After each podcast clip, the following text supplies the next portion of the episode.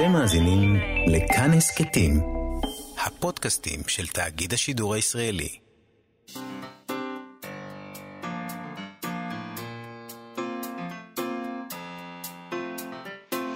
מה שכרוך עם יובל אביבי ומה יעשה לה. שלום, צהריים טובים, שבוע טוב, אנחנו מאיה סלע ויובל אביבי, במה שכרוך, מגזין הספרות היומי של כאן תרבות, ב-104.9 או 105.3 FM. איתנו באולפן היום איתי סופרין וכן עוז שעושים איתנו את התוכנית, ושלום גם לך, יובל אביבי. שלום, מאיה סלע. הייקו היא שירה וגם לא שירה, ככה אומרת uh, ליאת קפלן, שספר שירת ההייקו שלה הלא דבר uh, מתפרסם uh, לאחרונה בהוצאת ירח חסר, שהיא כשלעצמה אחת מהתורמות הגדולות לשירת הייקו בישראל. היא, כלומר ההוצאה. ההוצאה, הוצאת כן. הוצאת ירח חסר, זה כן. מה שהם עושים. Uh, בין השאר. ובספר הזה uh, ליאת קפלן משלבת את המסורת של הייקו עם מסורת ההייבון, שזו uh, מסורת של קטעי פרוזה קצרים. אה, ששואבים השראה כלשהי אה, משיר אייקו. אה, זאת אומרת, היא, אומרת, באופק של ההייבון יש הייקו. ויכול להיות שלפעמים הוא מופיע ממש כחלק מהטקסט, ולפעמים לא, זה העניין. ונדמה לי שאם מחברים את הדברים אצלה, אז אפשר לראות שזאת מדובר ביצירה שעוסקת בפרידה. ואנחנו נשאל אותה על זה, על הפרידה שיש בספר. האם באמת יש בספר הזה פרידה, ואם כן, ממי? ומה הקטע של הייקו? יש הרבה אנשים ששואלים את זה. בכל פעם אבל שנה, כבר עסקנו בהייקו כמה פעמים בתוכנית הזאת, ותמיד אנחנו אומרים לעצמנו, טוב, צריך לברר את העניין הזה. אז, אז אנחנו ממשיכים אז לברר אנחנו אותו ממשיכים בכל לברר, פעם. כן, כן. כי כן. זה לא ברור לי, אני, אני חייב להגיד שאני תמה תמיד מול הייקו. יפה. ו... אז. נמשיך לברר את זה עד שאתה תפסיק לתמוה. לא, יפ... לא יקרה לדעתי. למה? אני אשאר תמה. הבנתי. אני אדם תמה. יכול להיות שאתה תמוי פשוט, יכול זה, להיות, זה הבעיה. אבל אולי אני לא צריך להיות המדד. הבנתי, אוקיי. למה שקורה בציבור הרחב. עם מי עוד נדבר? נדבר עם אלי ביטן שלנו, מכאן מורשת, על ביוגרפיה חדשה שנקראת הקנאי. ביוגרפיה של האדמו"ר הרב יואליש מסטמר, אה, שלפי אה, אלי ביטן, הביוגרפיה הזאת לא מתארת את הרב כאידיאולוג קיצוני הנצרב בלהט קנאותו, אף שזה נכון, הוא היה אידיאולוג קיצוני הנצרב בלהט קנאותו, אבל הביוגרפיה הזאת מתארת אותו כאקדוחן הממהר לשלוף כדי שהכל ידעו כי הוא נכון אלי קרב. וברגע שראיתי את התיאור הזה, אמרתי לעצמי, אוקיי, אני רוצה, כאילו, זה, זה נשמע לי אה, רב, אדמו"ר, שמהותו אקדוחן ששש אלי קרב, אוקיי, בוא נדבר על זה. אנחנו נשאל אותו על זה היום. כן. האמת שמהכתבה הזאת של אלי עלה שוב פעם אצלי, על, עלו המחשבות אה, על העניין הזה שלנו כחילונים, חופשיים. אה, עם, עם אדמו"רים וזה, כי, כי אתה, כשאתה קורא את הדבר הזה, אני אמרתי לעצמי כזה, במין איזו תמימות כזאת מטופשת. אה, מה זה, זה, זה פוליטיקאים האנשים האלה, אין שם כן. טיפת שור קדושה, מה שמעניין אותם זה כוח. ואז אמרתי לעצמי עוד פעם, זה דבר תמים שרק חילונים יכולים להגיד, כי פעם אמר לי מישהו חרדי, רק אתם יכולים לצפות מרבנים שבאמת יתעסקו בקדושה. בקדושה. כאילו, על מה אתם מדברים? רק נגיד אוקיי. שאת מדברת על, לא אמרנו את זה, כתבה במקור ראשון, 아, נכון. שפרסם אלי ביטן, הוא גם מגיש כאן, אצלנו, אה, בכאן מורשת, את אה, מנדי ביטן, וגם פרסם בסוף השבוע נכון, במקור ראשון. נכון, כתבה שהוא פרסם שם, ומשם אנחנו החלטנו... עם ראיון עם מחבר הספר. ו... ומשם... אה, הרב, אה, האדמו"ר אה, מסאטמר הוא בהחלט אדמו"ר מאוד מאוד מעניין. כל הסיפור חיים שלו מאוד מעניין. זו כתבה מרתקת. וזו הייתה כתבה מרתקת, אז החלטנו לחלוק. רק הרגשתי שאתה צריך איזה, איזה קורס מזורז, זה בעצם מה שהכתבה הזאת במידה מסוימת עושה. בפוליטיקה הפנימית בין החצרות וב, וביריבויות, ומה נחשב ביניהם הישג, ומה נחשב ביניהם הפסד. זה מאוד מעניין. טוב, אז uh, נתחיל ב, ב, בהתחלה. אוקיי? בהתחלה שלנו. יפה. מה, במה, במה מתחילים? תשמע, ישראל, אנחנו, אני, להגיד שישראל רעשה יהיה טיפה מוגזם, אבל uh, יש כאלה שרעשו, uh, עולם התרבות קצת היטלטל, uh, uh, טיפה, בגלל ההחלטה של המוזיאון לאומנות האסלאם למכור uh, חלק מפריטי האוסף שלהם כדי להתגבר על המשבר התקציבי שהם נקלעו אליו, זה היה לפני כמה שבועות. וכשזה קרה, היו כאלה שתקפו את המוזיאון ואמרו שאין לזה תקדים בעולם, היו אחרים שהגנו על המוזיאון בטענה שזה קורה, קורה גם קורה, מה שנקרא. והנה עכשיו, אה, קולג' בארצות הברית מכר בעבור אה, 9.9 מיליון דולר, כמעט 10 מיליון דולרים, עותק מהדורת פוליו ראשונה של מחזות ויליאם שייקספיר. אוקיי? כן. ויליאם שייקספיר. מכירים אותו, נכון? לא צריך ל- להציגו. נחשבת למקור, למקור המודפס האמין הראשון לטקסט המלא של 36 מהמחזות של, ה, של שייקספיר. אה, זה, זה פשוט מדהים. הם מוכרים אותו, כן. הקולג' הזה. אה, בח- המהדורה הזאת, אה, לא ברור כמה אה, עותקים ממנה קיימים. יש שמעריכים את המספר של העותקים בכ-200, אבל פה מדובר במהדורה מלאה ושלמה, ממש אה, במצב כזה, מצב כחדש, כמו שאומרים ב- ביד יד שתיים. ראשונה מרופא. בדיוק. אמ, לפי הערכות, במצב הזה יש בערך חמש מהדורות כאלה בעולם. זו הפעם הראשונה מזה 20 שנה שהפוליו אה, הראשון, המהדורה הזאת, מופיעה במכירה פומבית, וזה מחיר שיא עבור מכירתו. השיא הקודם עמד על אה, 6.2 מיליון דולר בלבד. זה היה מאוד צנוע אז, בפעם שעברה. ובמוסד האקדמי המכובד הסבירו שהם עושים את זה, למה הם מוכרים פריט אה, נדיר ומבוקש כזה? כדי להתמודד עם גירעון תקציבי קשה. אה, שזה, אני מניח, גם קשור לקורונה אולי, אני לא יודע. אה, הפריט הזה, דרך אגב, הפריט נתרם לקולג' ב-1977, ולפני כן הוא הוצג בפסטיבל בריטניה ב-1951, ואני חושב שזה חוצפה. למכור פריט שתרמו לך, זה, זה ממש חוצפה. אה, לא יודעת, אני...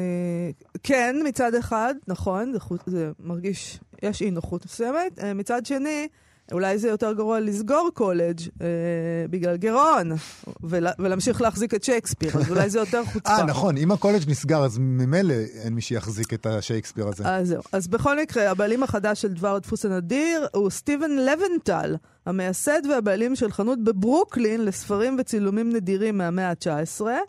אה, בברוקלין, כלומר, השייקספיר עובר... אה, אין ברוקלין. אה, עובר אבל לארצות- גם הקולג' הזה הוא בארצות הברית. אה, זה. בארצות הברית, אוקיי. הקולג' הוא קליפורניה. אה, זה נחמד אה, לגלות אבל שלבעל חנות ספרים יש תקציב שכזה. אה, יפה מאוד. אפשר, אגב, אני, מעניין אם זה באמת הוא קונה או שהוא, או מישהו עומד מאחוריו. יכול אין להיות. לדעת. או אפשר, שהוא פשוט, נגיד, נורא, לא יודע. אפשר להניח שהתקציב הזה היה תקציב לפני שהיה חנות, בכל מקרה. אולי זה אה, פשוט איש עשיר שקנה מלא דברים ואז אמר, טוב, אני אפתח איזה הוא מקום. מחזיק איזה חנות, או שיש מאחוריו. אה, הוא קונה בשם מישהו, הוא אמר אחרי הרכישה, הפוליו הראשון הוא קובץ המחזאות החשוב ביותר שאי פעם מודפס. זהו כבוד לרכוש אחד מקומץ עותקים מלאים של הכרך הזה, שישמש כמוצג מרכזי באוסף הישגיה האינטלקטואליים של האנושות. אה, המהדורה שהוא קנה עכשיו פורסמה ב-1623, שבע שנים לאחר מותו של ויליאם שייקספיר, על ידי ג'ון המינגס והנרי קונדל. המהדורה כוללת את רוב המחזות המיוחסים לשייקספיר. חלק זה מה... די מרגש בטח להחזיק את זה ביד. זה, זה מדהים, לפי דעתי. Uh, חלק מהמחזות של שייקספיר uh, פורסמו בדפוס לראשונה במהדורה הזאת. למשל, קומדיה של טעויות, אילוף הסוררת, הלילה ה-12, מקבט, כל אלה לא היה דפוס, uh, בדפוס לפני uh, uh, המהדורה הזאת. Uh, מסבירים לנו שחלק מהטקסטים מבוססים על רשימות של הלבלר הרשמי של להקת התיאטרון של שייקספיר. זאת אומרת, זה לא היה בכלל, לא היה את זה כתוב. זה הכל היה דברים שהוא, שעשו בעל פה, והוא ישב וכתב את זה. אה, חלק מהטקסטים מבוססים על טיוטות של שייקספיר באמת, וחלק מבוססות על חוברות העבודה של הלחשנים בתיאטרון. אני חושב שזה נהדר, זה סיפור, זה, זה סיפור מהמם. בעצם אה, למדנו מקריאה על המהדורה הזאת, החלוקה שאנחנו מכירים של חלק מהמחזות למערכות ולתמונות היא לפי החלטה של עורכי המהדורה, מי שהדפיס. אה, על השער של המהדורה מופיע דיוקנו של שייקספיר לפי תכרית של מרטין דרושאוט, אה, שהוא התיעוד המהימן היחיד למראהו של שייקספיר. בלי זה לא היינו יודעים איך הוא נראה בכלל, אה, ואולי זה, זה כל העסק הזה נשמע שווה עשרה מיליון דולר. לגמרי. אה, כשיש לך עשרה מיליון דולר להוציא על דבר כזה, אז יש לך הרבה יותר מעשרה מיליון דולר. אבל אם נגיד יש לך רק. עשרה מיליון דולר, זה מתי התקציב לא. שלך, בעולם הזה. לא, לא מוציא על זה. לא. לא. אה, דרך אגב, המהדורה הזאת אמנם מאוד מאוד אה, אה, יוקרתית ונדירה, אך אה, אחרי פרסום המהדורה הזאת התפרסמו עוד מהדורות. יש מהדורה שנייה, היא זהה בתוכנה למהדורה הראשונה, אבל יש בה אלפי תיקונים ושינויים. אה, יש מהדורה שלישית מ-1663, שכוללת עוד מחזות שלא היו אפילו במהדורה הראשונה. אה, והמהדורה הזאת, השלישית, היא נחשבת מאוד מאוד נדירה גם כן, כי רוב העותקים שבה נשרפו בשרפה הגדולה של לונדון ב-1666. שלוש שנים אחרי שפרסמו אותה, פשוט העיר לונדון כמעט כולה נשרפה. אז uh, רוב העותקים הלכו איתה. מרגש. מי שמתעניין בכל העניין הזה מאוד, יש סריקה של מהדורת הפוליו הראשונה ברשת.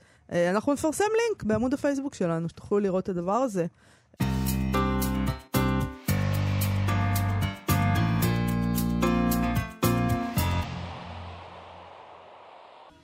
אנחנו מאיה סלע ויובל אביבי, מה שכרוך בכאן תרבות, חזרנו.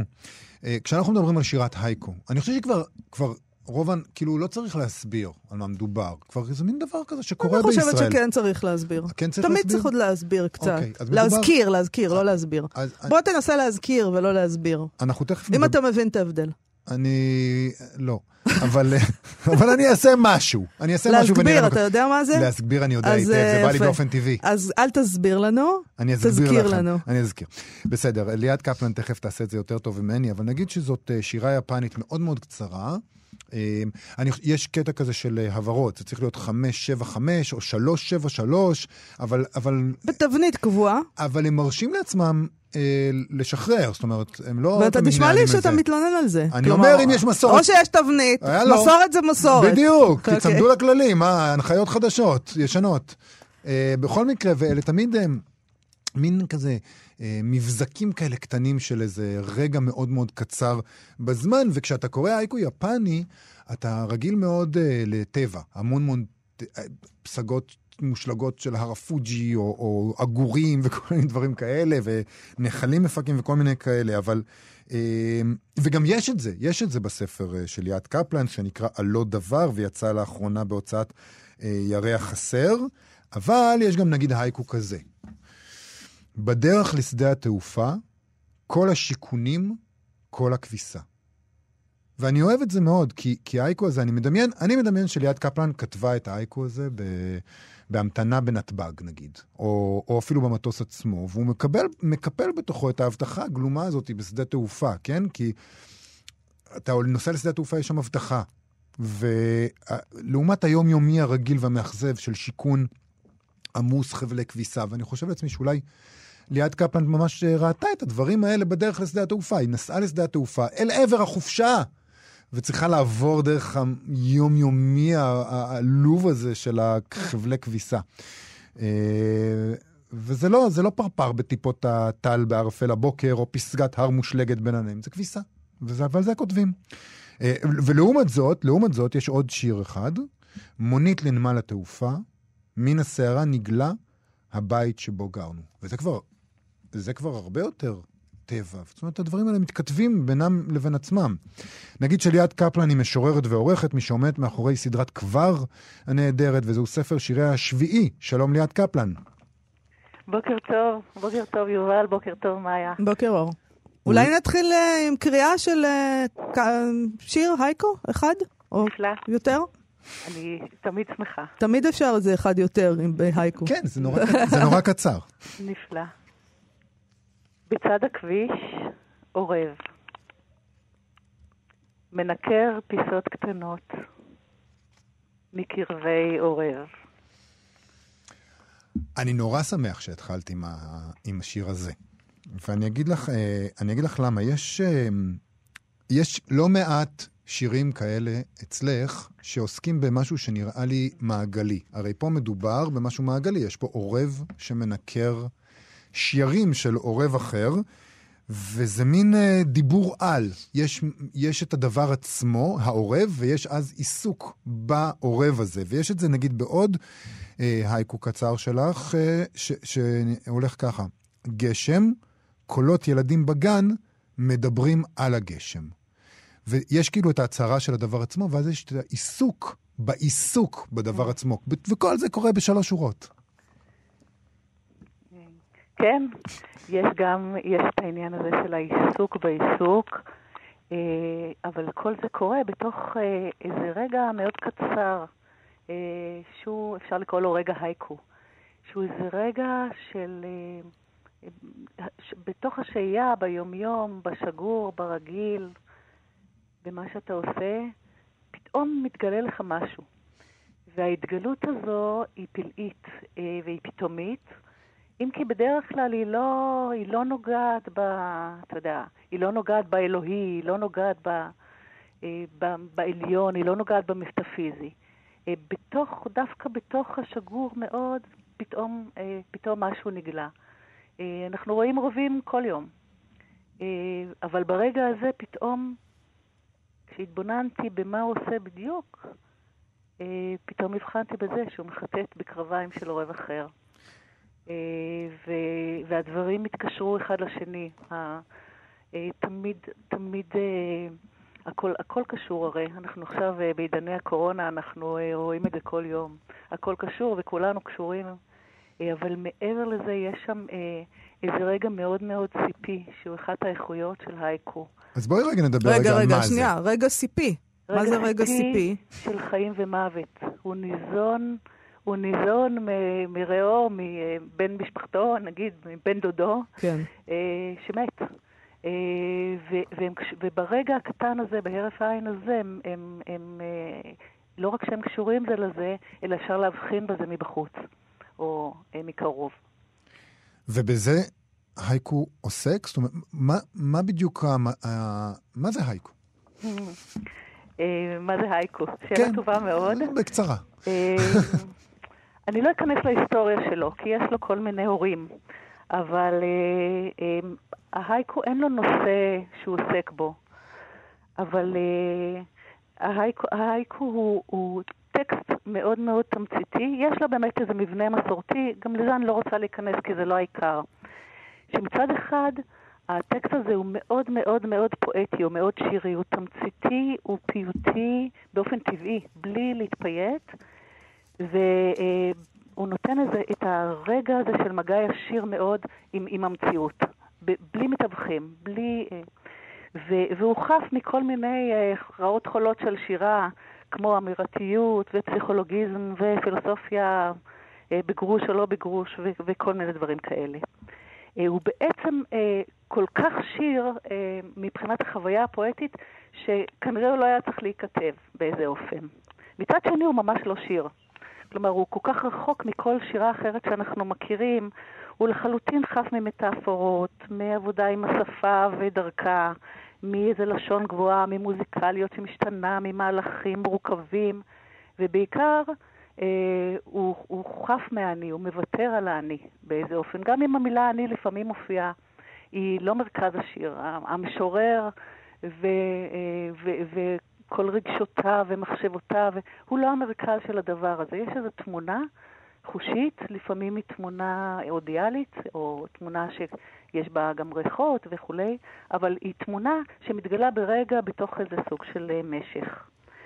אה, וזה, אה, וההייקו כל כך מעודן באיזה אופן, שכמעט תמיד על כל הייקו אפשר להגיד, טוב, אז מה? אוקיי, אז כל השיכונים, כל הכביסה, אוקיי, אז אוהב, אה, אז מה? אני אה, רוצה לשאול, דווקא, להגיד משהו דווקא על העניין הזה שאת אומרת, אפשר להגיד אז מה.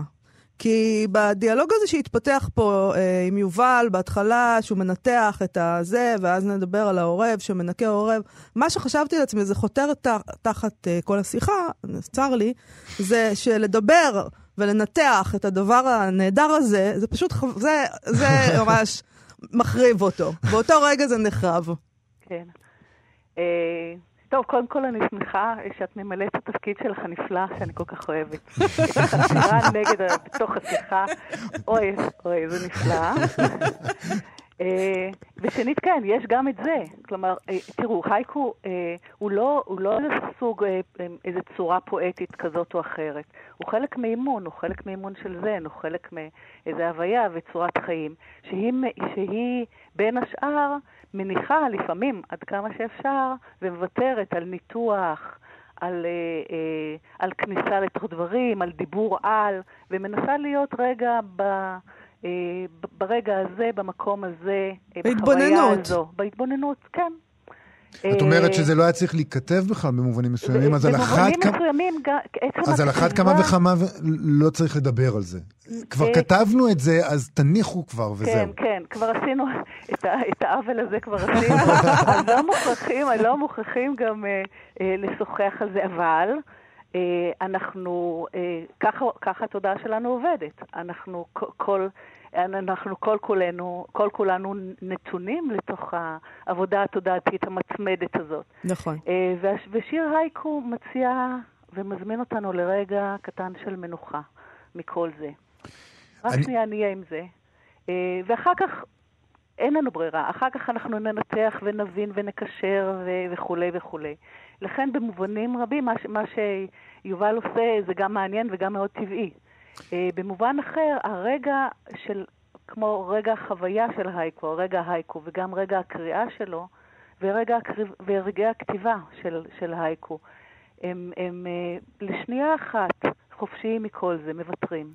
אני רוצה להגיד שהעניין הזה של ההתבוננות נטולת המילים נקרא לזה אולי, או נטולת הפרשנות, אפילו במידה מסוימת אני מציע שההייקו שלה חותר תחת האפשרות של לעשות את הדבר הזה, ואני אסביר למה אני מתכוון. הרבה פעמים, לא, לא הרבה פעמים, זה מופיע אצלך מבט כפול. מלכתחילה המבט שלך הוא לא רק מבט אחד, אלא מבט כפול, מה שאומר מיד שכבר בתוך השירים את אומרת, רגע, רגע, רגע, כל ההתבוננות הזאתי, היא לא יכולה להיעצר בזה שאני מתבוננת על משהו. יש כאן משהו מעבר שצריך לשים אליו לב. למשל, את כותבת כמעט חצות, בחלון הבית הנבנה נשקף חדרי. זאת אומרת, את מסתכלת על חלון של בית שמול החדר שלך, והחדר, ואת רואה את ההשתקפות של החדר שלך. זאת אומרת, המבט כאן הוא כפול. מלכתחילה הוא עושה איזשהו מבט, אה, אה, משהו אה, דו-כיווני, ולא רק לשהות בהתבוננות הזאת. או למשל, עיניו עצומות בזגוגיות משקפיו mm-hmm. התלמידים. זאת אומרת, אנחנו חושבים על... על מישהו שאנחנו מסתכלים עליו ורואים משהו אחר שמשתקף בזגוגיות של המשקפיים שלו. וזה, והכפילות הזאת אומרת, רגע, אתה צריך עכשיו לא רק להסתכל על, אתה לא רק מתבונן, אתה חייב להסתכל גם על ההתבוננות. זה ברור מה שאמרתי? בוודאי, לגמרי. ברור אך מצער. אה, לא, אני רואה את זה קצת אחרת. אה, אה, מורי ורבי רז, שהוא אחד מחבורת ירי החסר המופלאים שהיו שותפים לעשייה של הספר הזה, אה, אומר שבעצם בשור שהמציא את ההייקו, הוא, הוא היה הצלם הראשון, עוד לא היו מצלמות בעולם. וההייקו נותן רגע. עכשיו, שני השירים שציטטת, מה שהיה שם זה רגע שמציע אה, את ההתבוננות הזאת. אה, היא לא תודעתית. בתוך, החל, בתוך החלון של הבית הנבנה נראה החדר שלי. הכפילות הייתה בתוך, בתוך מה שקרה, כמו הכפילות של העורב, או כמו הכפילות בזגוגיות המשקפיים של אה, איתן, במקרה הזה איתן בולוקן, mm. שנתן שיעור לכיתת הייקו שלי. אה, ולפתע הוא עצם את העיניים ואפשר היה לראות את, ה, את התלמידים שישבו שם בתוך זגוגיות המשקפיים שלו. אה, זה, זה היה. אה, אני מנסה באופן הכי הכי צנוע להניח את מה שיש. ולא את התודעה שלי המנתחת את מה שיש בזה. אז הכפילות שאתה מדבר עליה, והיא באמת מאוד מרשימה, היא מרשימה לא, בק, לא בכתיבה שלי ובלי קשר אליי, היא מרשימה כי היא נמצאת. אה, והיא נמצאת סביבנו כל הזמן. גם הכפילות וגם כל מיני איכויות אחרות, כמו הזכרת קודם טבע, אה, יש הרבה טבע, יש טבע עירוני, כל הדברים האלה הם, הם פשוט נמצאים.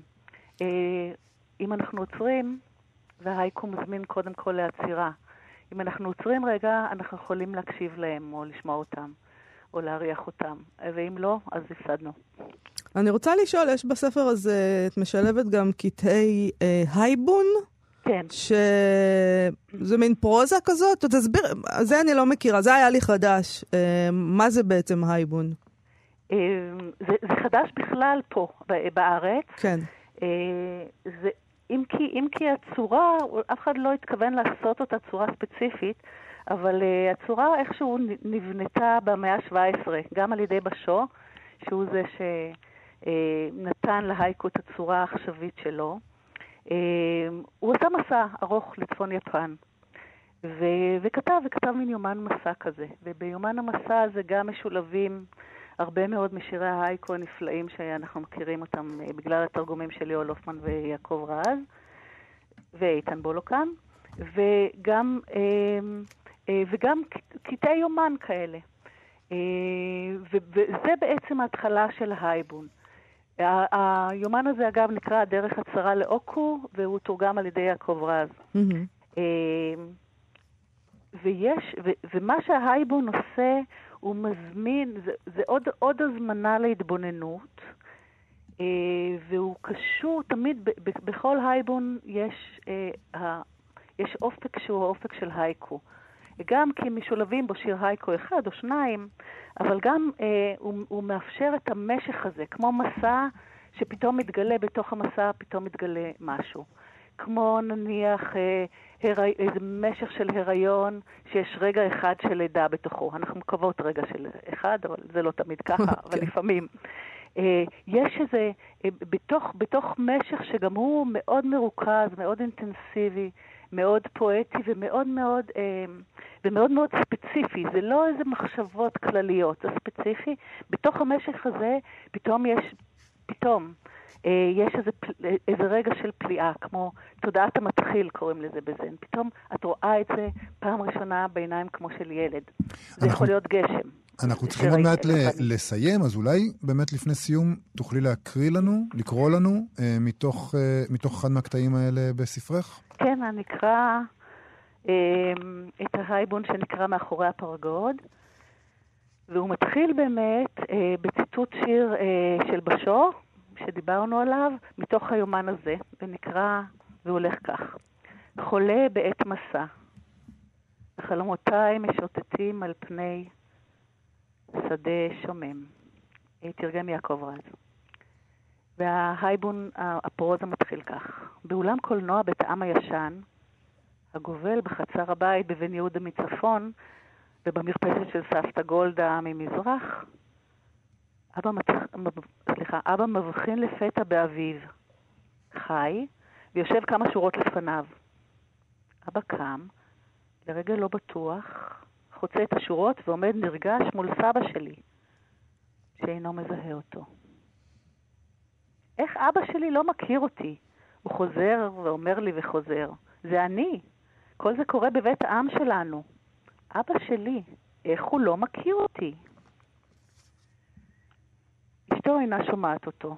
טוענת שקולו נחלש. הוא חולם שהוא עובד, כמו בתוך מים או במבוכי המולה גדולה.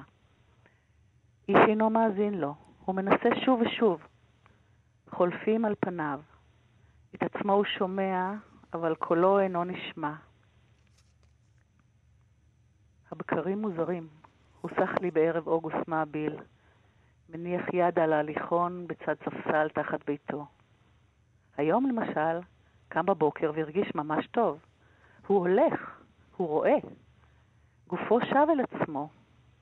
נס מתחולל. הכל עבר והוא בריא כשהיה. קודם כל הוא רוצה לטוס לאיטליה או לאנגליה. וזה מסתיים בהייקו שלי, סוף ליל אהבה. מתעוררת מחלום של אבי. ליאת קפלן, על לא דבר, הוצאת ירח חסר. אה, מאוד יפה. תודה רבה לך על השיחה הזאת. המון המון תודה. להתראות. בוקר טוב. להתראות.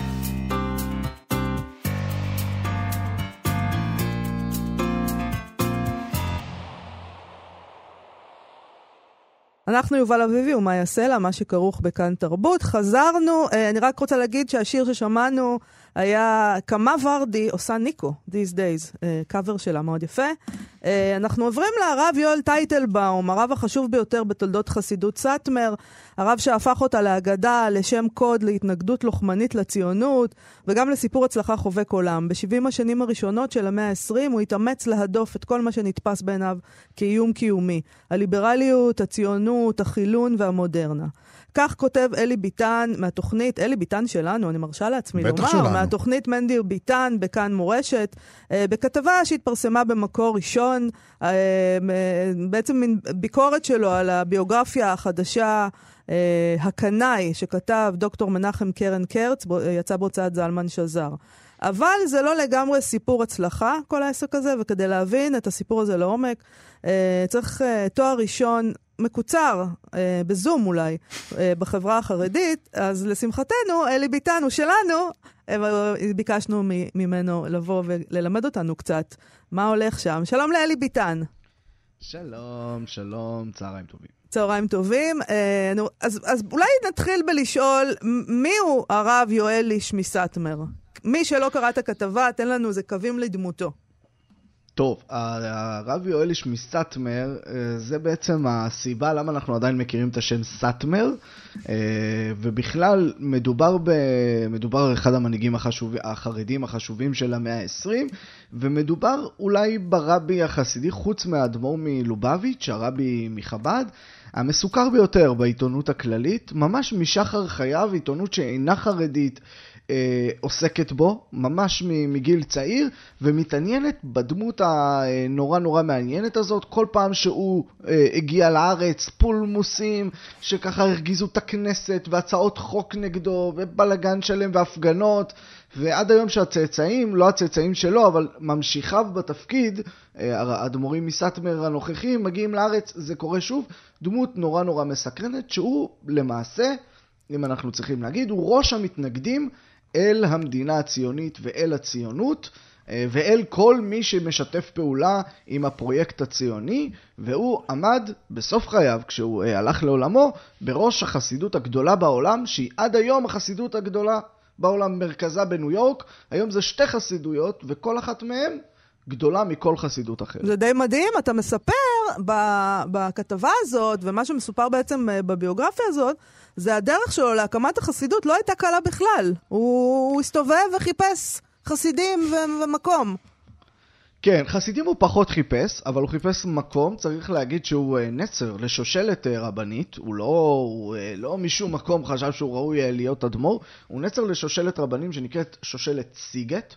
אה, אב, אביו היה אב, אה, אב בית הדין בסיגט, כאילו רב העיר אה, סיגט, וגם הוא היה צריך להיות כביכול אולי, אבל הוא נולד פשוט לא הילד הגדול, ובחסידות הדברים האלה עוברים לבן הבכור, החסידות עוברת בשושלת, הוא כבר היה הדור הרביעי של החסידות, וזה היה אמור ללכת לאחיו הגדול, וזה באמת הלך לאחיו הגדול, והוא ממש בחופתו, הוא התחתן רגע, אולי הרגע הראשון בחיים שלו שהוא חטף את הכאפה של החיים, כל, ה, כל, ה, כל הילדות הוא גדל בצל האבא הגדול, ואז הוא מתחתן בגיל 18, ובמשך, במהלך השבע ברכות אבא שלו נפטר, ואחיו מקבל את האדמו"רות, והצעד הראשון שאחיו עושה זה לסלק את אחיו, החתן הצעיר, מהעיר כדי שלא יאפיל עליו, שלא חלילה ייקח לו חסידים, והוא לוקח אה, את אשתו ועוזב את העיר שבה הוא נולד וגדל, ומבין שאם הוא לבד, בכוחות עצמו, לא ילך ויכבוש, הוא לא יהיה, הוא לא יהיה קיים. הוא לא יהיה חשוב, הוא פשוט ייעלם מדפי ההיסטוריה, והוא חושב שהוא חייב להיות על דפי ההיסטוריה, והוא חייב להשפיע. הוא חושב את זה בגיל צעיר על עצמו. יכול להיות שהאח שלו ש... ידע את זה, שהוא חושב את זה על עצמו, ובגלל זה הוא מיהר לסלק את זה?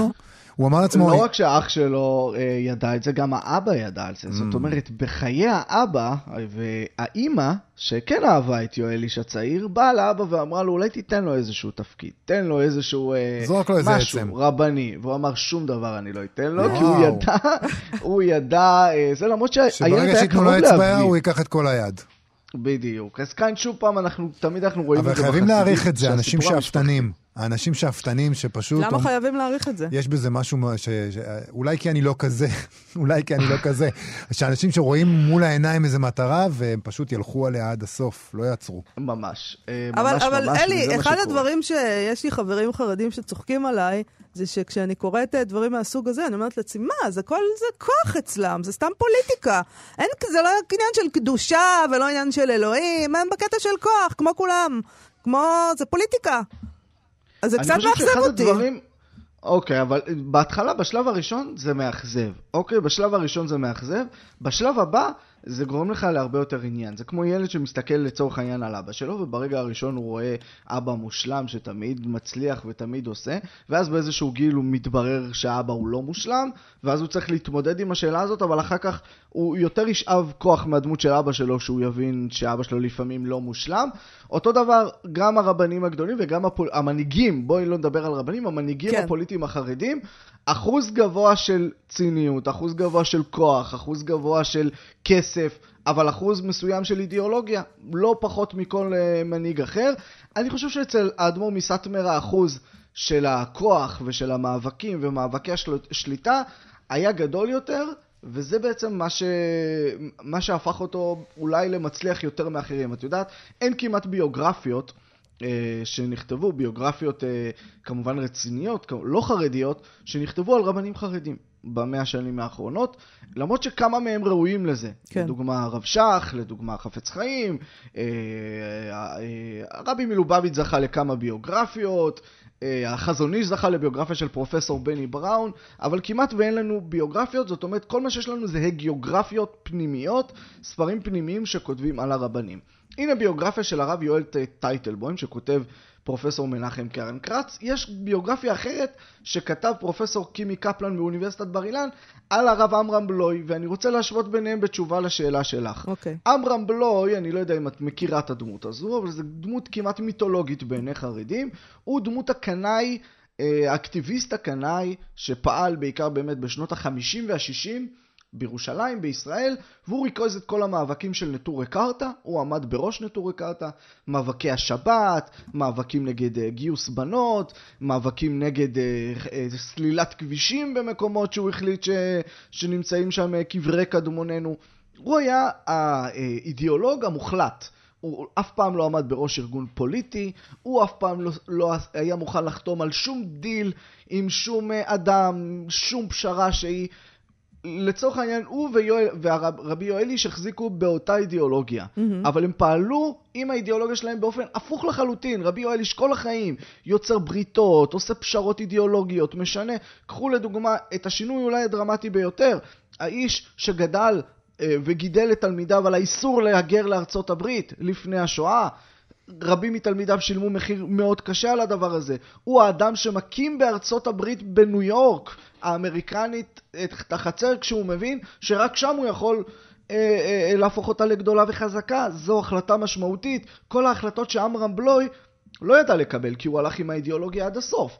ועמרם בלוי הפך להיות דמות שאולי היא אה, אה, אה, מיתולוגית כזאת בחוגי מאה שערים, אבל היא חסרת השפעה על ההיסטוריה, בעוד שרבי יואל שטייטלבוים, ההשפעה עד היום של האיש הזה קיימת אפילו על דרמות שמתרחשות היום בבני ברק ובירושלים, ומשברים פוליטיים בכנסת ישראל, שאותה הוא ראה בתור השטן הגדול. שיקוץ, כן, נכון. אז רגע, הם, אה, הסאטמרים, הם אה, הולכים עם מסכה או לא הולכים עם מסכה? לא הולכים כנראה. או, אז האמת שבדיוק כמו שאצלנו יש דרמה אה, סביב הקורונה והמגזר החרדי, בניו יורק יש לא פחות דרמה.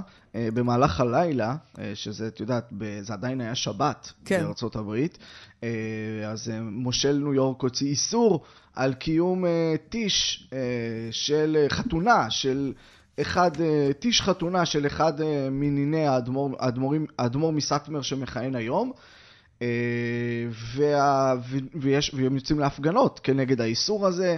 הם הוכו קשה בגל הראשון, עשרות, כי קרוב למאה חסידי סאטמר מצאו את מותם בגל הראשון, והם שם גם מנהלים הפגנות מול השלטונות. אה, הורדות ידיים אה, מול הממשל ומול ארצות הברית באופן כללי ומול התקשורת האמריקנית, שכמובן עושה גם שימוש באלמנטים אה, אנטישמיים לפעמים. הדבר חוזר על עצמו גם בניו יורק, זה לא רק סיפור שלנו. רק שהם בטח יש להם פחות סבלנות שם לדבר הזה מאשר פה. תתפלאי, תתפלאי. שם הם, פח... הם, הם, הם מעדיפים לא ליצור את החיכוך הפיזי. Mm. אז הם כאילו מנסים סנקציות שהן מרחוק, על שלילת תקציבים, אה, עיקולים, אבל, אה, אבל דווקא שם החוק, חוקי הקורונה פחות נוקשים מכאן. יותר, אי אפשר לתת קנס לבן אדם שלא הולך עם מסכה ברחוב ודברים כאלה. אה, אלי, אני רוצה, אבל... רגע, אני רוצה רגע בכל זאת לחזור לספר. כן. ולשאול אותך, אמרת ש... אמרת ש... אה, אין הרבה ביוגרפיות חוץ-חרדיות. אה, ואני רוצה לשאול מי, על מחבר הביוגרפיה הזאת. איך הוא עשה את זה? למה הוא עשה את זה? איך הוא, איזה יחס נותנים לבן אדם שרוצה לחדור ככה פנימה ו, ולחשוף את שהוא הכל? בכלל רופא. אוקיי, אז באמת אה, סיפור מאוד מעניין, כי הוא אה, בן אדם, אה, מנחם כרם אה, בהשכלתו רופא שיניים בכלל. לא, לא, לא כביכול לא מגיע מהעולם הזה של מחשבת ישראל וההיסטוריה של העם היהודי, שרוב העוסקים בתחום מגיעים ממנה. ואז החליט להיכנס לתחום הזה, ועשה ביוגרפיה שהיא בעיקר מבוססת על עיתונות ועל ספרות שנכתבה, על מעט מאוד עדויות, אבל אה, זה יוצר לה אופי, אם אפשר להגיד, יבשושי למדי. קצת כמו לקרוא את התיק הרפואי של האדמו"ר מסטמר, אולי, אולי דוח שומה כזה, מין פירוטים חסרי כל העלילה והצבע. שהם לפעמים, הם לפעמים לא, לא עניין ספרותי, הם, הם הדבר עצמו. אם אני כותב, היה מריבה, ואני מספר, אה, בנד... מצאו ראש של חזיר בפתח של אה, אחד האנשים שרבו עם רבי יואל איש. זה רלוונטי מאוד, אבל אה, הוא יעדיף לציין שהיה מריבה ולעשות רק את הרישום מלאי כזה של איזה מחסן Mm. אה, אה, שלא בתוקף. אבל צריך להגיד שהעולם החרדי מת, מתייחס כמובן בניכור למי שבא לעשות ביוגרפיה ביקורתית. אפילו אני, שכתבתי את הכתבה הזו, קיבלתי תגובות מאוד קשות מחסידי סאטמר. ביניהם חברים טובים שאמרו לי, איך העזת? כתבתי, אה, דיברתי על המגלומניה של רבי כן, יואלי, כן. שעל ה... על ה... קראתי לו אקדוחן רבני, כי הוא בעיניי מצטייר כמו מין, מין אקדוחן במערב פרוע כזה, שפשוט שולף ראשון כל הזמן, פשוט שולף ראשון, וזה הדמות שהצטיירה, וזה ממש לא היה... אה, אני, אני מלא, גדוש בכבוד לדמות ההיסטורית אה, שלו. כן, אצלנו אה, אקדוחן זה- זה אות של. כבוד, אבל הם נעלבו. נכון, אבל, אבל הם נעלבו בהחלט. זה, זה מן הסתם קשה לאסוף עדויות על, על דברים שקרו, על דברים פחות חיוביים שקרו. אבל, ופה יש יתרון מאוד גדול למי שעושה עושה את המחקר ההיסטורי הזה, שהחרדים כל הזמן רבים ביניהם. ולכן, הצד שכנגד... תמיד דואג לתעד את. הבעיות של הצד. אז עכשיו אתה צריך כל הזמן ללכת לצד שכנגד כדי לקבל ממנו את החומרים על, אה, על מי שאתה כותב, ול, ולמי שאתה כותב לקבל את החומרים על הצד שכנגד, ואז אתה יכול לייצר איזושהי תמונת עולם כזאת, מין אה, דיאלקטיקה פנימית, זה היתרון היחיד. אה, אני, אני יכול האם זה קורה בביוגרפיה הזאת? זה בכל זאת קורה? אה, זה, זה, כן, חלק מהעדויות שמובאות באמת מעיתונות, מעיתונות יהודית או מפשקווילי רחוב, הולכים, או הוא הולך בדיוק לכיוון הזה, של ללכת לראות מה כתבו אלו שהתנגדו אליו, ומשם לצייר את דמותו. בוודאי עיתונות אה, לא יהודית בארצות הברית, עיתונות אה, חילונית בישראל, שזה אה, הדבר, אלו העיתונאים שהכי שונאים אותו, תמיד, החילונים הישראלים, הכי מאשימים אותו, אשם בשואה, אשם בזה, הוא כאילו האדם הכי, הכי שנוא. העיתונות האמריקאית מתייחסת אליו יותר בכבוד, יותר באהדה, קצת כמו גיבור אמריקאי לפעמים.